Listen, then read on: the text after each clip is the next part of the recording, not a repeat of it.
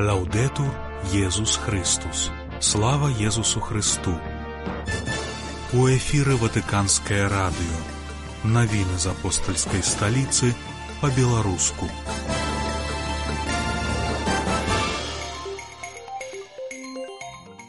Францішак даручыў клопат пра інфраструктуру Ватыкана былому вайскоўцу. Кардынал Мендонса нагадаў, што паэт пакліканы сведчыць пра драму чалавецтва. У другой частцы нашай праграмы рубрыка касцёл і свет. 19 лютага вас вітае Александр Панчынка.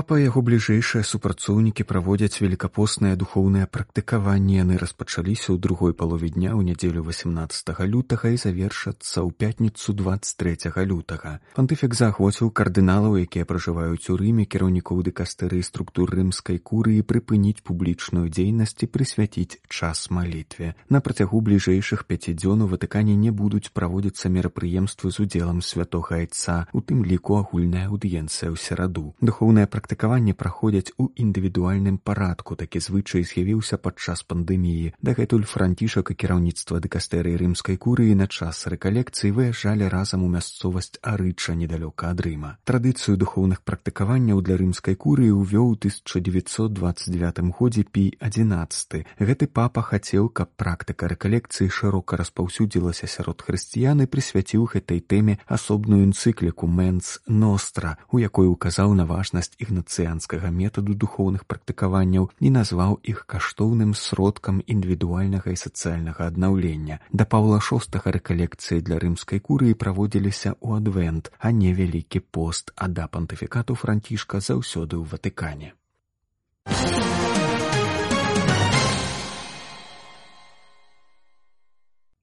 Святайцец даручыў кіраўніцтва ватыканскімі тэхнічнымі службамі былому высокапастаўленаму італьянскаму вайскоўцу 66гадоваму генералу сальваторы фарыне. Былы загадчык генеральнага штаба ўзброеных сіл італіі быў прызначаны на пасаду кіраўніка дырэкцыі па справах інфраструктуры і абслугоўвання губернатарата дзяржавы ватыкан 15 лютага было абнародавана адпаведнае распараджэнне папы. Сальваторы фарына мае багаты арганізацыйны досвед які спатрэбіцца ў кантэксце падрыхтоўкі да юбілею 2025 года. Ён будзе адказваць за пытанне звязанае з будаўніцтвам лагістыкай абсталяваннем закупкамі даглядам за садамі. Генерал фарына завяршыў службу ў італьянскай арміі ў 2021 годзе. У эфіры ватыканскае радыё Навіны з апостальскай сталіцы па-беларуску.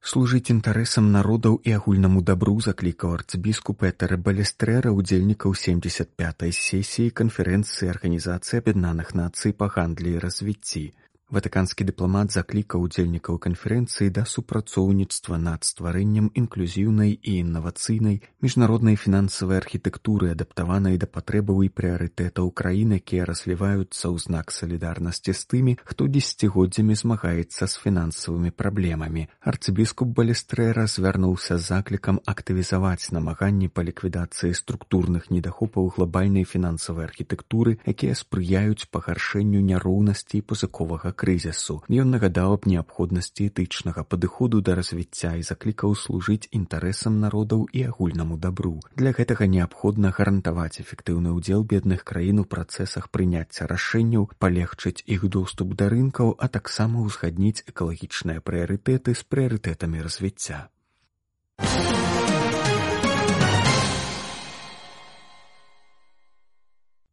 У ватыканскай апостальскай бібліятэцы прайшла цырымонія ўручэння дыпломаў удзельнікаў праграмы па вывучэнню старажытных яўрэйскіх манускрыптаў Дыпломы аб заканчэнні спецыяльных курсаў атрымалі 14 спецыялістаў і навукоўцаў з Аргенціны, Балгарыі, Венгрыі, ЗША, Ізраілю, Кеніі, Коста-рыкі, Польшчы і Чылі. З завяршэннем навучальных курсаў даследчыкаў павіншавалі прэфект бібліятэкі Ксёнц Маура Мантавані і бібліятэкар арцыбіскуп Анджала Віншэнца Дзані. Прэфект падкрэсліў, што ўручэнне дыплома гэта не толькі фармальнасць, але і знак сяброўства і агульнай прыхільнасці да культуры. Ён выказаў гатоўнасць працягваць гэты праект такі ўяўляе сабой выдатную магчымасць для навядзення міжкультурных і міжканфесійных мастоў і прасоўвання дыалогу культуры. Дыпломы ўручыла клаўдыя мантускі дырэктар аддзела рукапісоў ватыканскай апостальскай бібліятэкі. Яна падкрэсліла што бібліятэчная калекцыя сведчыць пра дыалог культур рэлігій цывілізацыі і нават моў. Курсы па вывучэнню яўрэйскіх рукапісаў распачаліся ў ватыкане ў ліпені мінулага года і праводзіліся ўпершыню. Яны былі арганізаваныя ў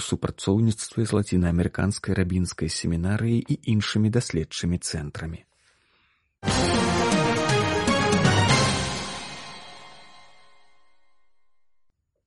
Прэфект дэкастэры па культуры і адукацыі партугальскі кардынал Жазе Таленціна де Мендонса прадставіў зборнік уласнай паэзіі ў перакладзе на італьянскую мову чужыя зямлі. Прэзентацыя прайшла ў каталіцкім універсітэце найсвяцейшага сэрца ў Мілане. Выданне ўтрымлівае вершы кардынала, якія публікаваліся па-партугальску ў яго кнігах белая дарога і тэорыя мяжы, адпаведна ў 2005 і 2017 годах быць сведкам вялікай драмы чалавецтва расказваючы пра свой час і даючы голас апошнім. Гэта місія дакладней пакліканне паэта фігуры якая ў нашу эпоху лічыцца крыху пабочнай нават эксцэнтрычнай перакананы кардынал мендонса іерарх падкрэсліў што паэзія з'яўляецца мастацкім жэстам здольным услухацца ў разнастайнасць свету яго велізарнае шматгалосся і задумацца пра важнае пытанне нашага штодзённага жыцця паэзія гэта практыкаванне ў адказнасці за ўласны час бо як казаў арцюр рэмбо паэт гэта празорлівец сведак і таму мае абавязак расказваць нагадаў прэфект дэкастырыі па справах культуры і адукацыі. Паэзія павінна праліваць святло на супярэчнасці праблемы галоўнае пытанне свайго часу.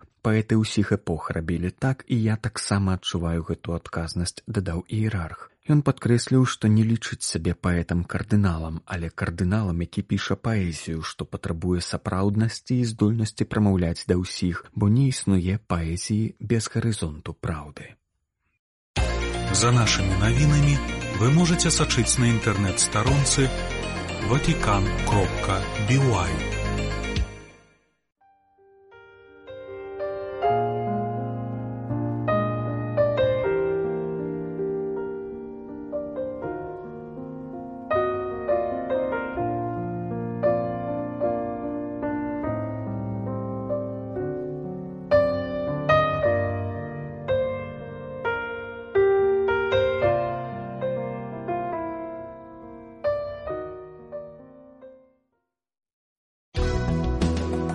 У эфіры ватыканскае радыё.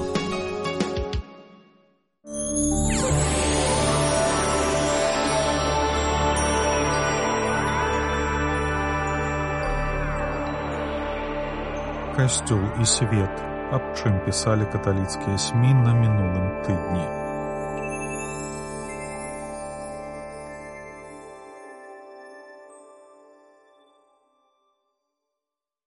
Вітаю вас, дарагія радыёслухачы. З вами Марыя Валодзіна. Прапаную вашай увазе новы выпуск рубрыкі касцёл і свет. Яна змяшчае падборку цікавых і актуальных матэрыялаў, якія з'явіліся на мінулым тыдні ў сусветных каталіцкіх выданнях. Не закрываць вочы на драму гандлю людзьмі заклікаў папа ў дзясяты сусветны дзень малітвы і рэфлексіі супраць гандлю людзьмі які адзначаецца ў касцёле у літургічны ўспамін святой жазефіны бакіты. З гэтай жа нагоды 8 лютага ў рыме прайшоў шэраг мерапрыемстваў супраць гандлю людзьмі. Аб гэтым паведамілі італьянскія сМ, авеніры і осерваторы романо. Арганізатар мерапрыемстваў міжнародная сетка таліта кум, якая супрацьстаіць гандлю і эксплуатацыі людзьмі па ўсёй планеце 46 маладых людзей ва ўзросце ад 18 до 35 гадоў 23 краін свету сабраліся ў рыме, каб правесці тыдзень фармацыі, мабілізацыі і малітвы супраць гандлю людзьмі. Удзельнікі сустрэчы правялі флэш-моб супраць гандлю людзьмі на рымскай плошчы Санта-Марыя Інтрастэверы, які прыцягнуў увагу турыстаў і жыхароў горада. Пасля флэш-мобу У базіліцы Санта-Марыя Інтрастэверы прайшло экуменічнае малітоўнае адчуванне на пяці мовах. У сераду моладзь сталі такум прыняла ўдзел у агульнай аўдыенцыі ў зале Паўла VI ў Ватыкане. кульмінацыяй тыдня мабілізацыі стала онлайн-пілігрымка малітвы і разважанняў супраць гандлю людзьмі, якая прайшла 8 лютага на ўсіх кантынентах і ва ўсіх гадзінных паясах і транслявалася ў прамым эфіры на пяці мовах. Адзін з удзельнікаў сустрэчы самой лепаалучы распавёў у серваторы роману, што акрамя фізічных і духоўных ран ахвяры гандлю перакананыя, што ў іх больш няма годнасці. Унутры ў іх пустата. Яны адчуваюць сябе бескарыснымі, без годнасці. Асабліва людзі з Афрыкі заўсёды кажуць: Я сам вінаваты, што гэта здарылася са мной. Мы павінны дапамагчы ім зразумець, што іх жыццё ўсё яшчэ вартае, нават пасля таго, што яны перажылі. На пачатку лютага францішак абвясціў аб прызначэнні трох новых кітайскіх біскупаў, Як піша National Catholic Reporter, гэта відавочная прыкмета таго, што кітайска-ватыканскае пагадненне працуе. Біскуп Пітер Ву і Шунь быў пасвечаны ў сан біскупа Мінбея у правінцыі Фудзянь на паўднёвым усходзе Китая, гаворыцца ў заяве Ватыкана. Адзначаецца, што францішак прызначыў яго біскупам 6 снежня. 29 студзеня Ватыкан абвясціў о прызначэнні новага біскупа Вейфана, а таксама аб заснаванні там новай дыяцэзіі. Біскуп Энтоні Сунь Вендзюнь быў прызначаны ў красавіку мінулага года, а пасвечаны 29 студзеня. 25 студзеня было абвешчана аб пасвячэнні новага біскупа Джэнджоу Тадывуша Ван Юашэнга. Усе тры прызначэнні адбыліся ў рамках пагаднення паміж святым пасадам і кітаем ад 2018 года. Згодна з ім апошняе слова ў прызначэнні біскупаў застаецца за францішкам. У мінулым годзе, аднак Пекін зрабіў некалькі аднабаковых прызначэнняў біскупаў без згоды папы. Святы пасад прызнаў гэтай прызначэнні постфактум. Ватыкан таксама прызнаў, што пагадненне 2018 года далёкае ад ідэалу, але гэта лепшая дамога, якую ён мог атрымаць. Пекін доўгі час настойваў на тым, што здзяйсняць біскупскія прызначэнні павінен ён як пытанне свайго нацыянальнага суверэнітэту. Ватыкан жа настойваў на праве папы выбіраць пераемнікаў апосталаў Хрыста. Новае даследаванне выявіла рысы агульныя для тых сем'яў, у якіх дзеці выраслі і засталіся католікамі ў дарослым узросце. Паводле апытання, праведзенага нацыянальным цэнтрам вывучэння грамадскай думкі чыкагскага універсітэта, толькі 15 процентаў дарослых амерыканцаў выхаваных у каталіцкай веры застаюцца практыкуючымі католікамі якія ў дарослым узросце наведваюць штотыднёвую імшу што ж адрознівае сем'і якія выхавалі практыкуючых католікаў ад сем'яў тых хто пакінуў веру як піша аўтар ларета браун У пошуках адказаў на гэтае пытанне было праведзена нядаўняе даследаванне Джорджтаунскага універсітэта і пейтанскага інстытута касцёльнага жыцця. Яно паказала, што ўдзельнікі з сем'яў, якія выхавалі практыкуючых католікаў, у цэлым апісвалі іх як больш цёплыя і поўныя любові, чым сярэднестатыстычныя сем'і. Большасць удзельнікаў таксама казалі пра вельмі добрую камунікацыю ў сям'і. Яшчэ адна агульная рыса такіх сем'яў гэта правядзенне рытуалаў сумеснага прыёму ежы і сумеснай малітвы. Вера ў такіх сем'ях з'яўляецца часткай сямейнага распарадку. Яна прысутнічае ў доме кожны дзень, а не толькі па нядзелях, у размовах, у малітве, у прадметах хатняга ўжытку. Калі дзеці прыходзілі да бацькоў з сумневамі адносна веры, большасць бацькоў казала: « Што ж, давайте паглядзім, чаму вучыць пра гэта касцёл. Было шмат дыскусій, разважанняў, слухання, гутарак, накіроўвання. Чаго не было, дык гэта строгай забароны падвяргаць сумневу вучэння касцёла. Все ўдзельнікі падкрэслілі важнасць штотыднёвага наведвання святой імшы. І амаль усе паведамілі аб тым, што займаліся валанцёрствам і ахвяравалі на дабрачыннасць у сваёй парафіі або касцёльнай арганізацыі.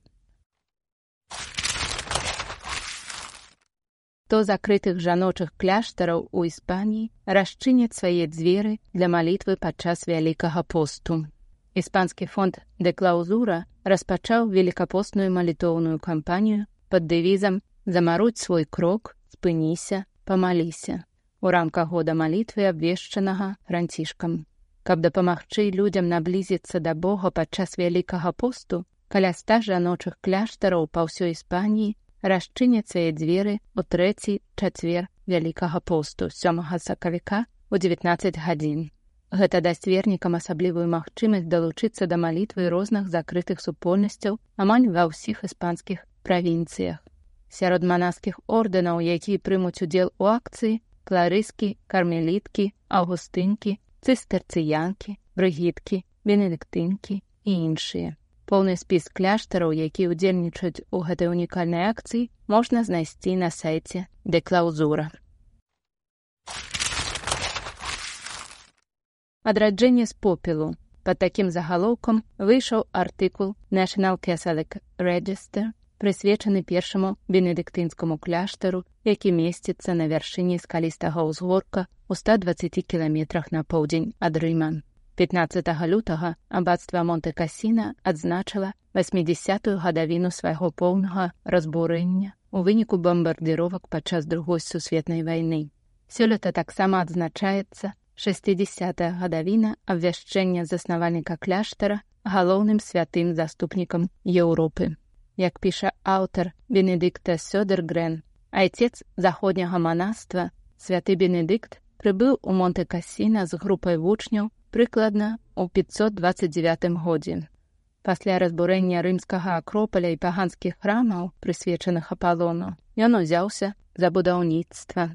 Першую араторыю, якая стала месцам малітвы яго супольнасці, Бенедыкт прысвяціў святому марціну, а на самай вяршыні гары дзе зараз стаіць базіліка, пабудаваў араторыю, прысвечаную святому яну хрысціцелю. Менавіта тут у першым кляштары бенедыктынскага ордэна яго заснавальнік напісаў сваю знакамітую рэгулу статут, які ляжыць у аснове заходняга манаства. Хутка бенедыктынскі ордэн распаўсюдзіўся па ўсёй Еўропе. На працягу стагоддзяў абацтва зведала некалькі разбурэнняў, найбольш сур'ёзнае з якіх адбылося ў лютым 1944 года падчас бітвы пры монты касіна найстарэйшая частка манастыра дзе знаходзілася келля святого бенедыкта выратавалася ад разбурэння. Ні манахі ні мірныя жыхары якія знайшлі там прытулак не загінулі. Таксама нейкім цудоўным чынам было выратаванае месца пахавання святого бенедыкта і святой схаластыкі. Граната якая упала туды не выбухнула Абацтва было амаль цалкам знішчана, а за ім непазбежна былі страчаныя і унікальныя творы мастацтва. Пасля вайны абацтва было адноўлена ў поўнай адпаведнасці са сваім першапачатковым выглядам. Сёння абацтва гэта сціплы дом васьмі манахаў бенедыктынцаў, які працягваюць весці ціхае жыццё у малітвах, працы і вучобе, добрасумленна выконваючы правілы, напісаныя святым бенедыктам 1500 гадоў таму назад. Дзякуй за ўвагу і да наступнага панядзелка.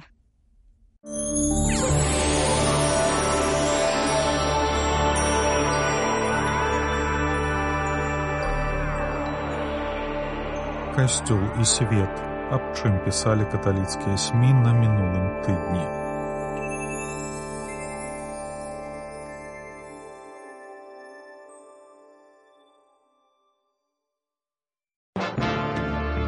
Слухали беларускую праграму ватыканскага радыё.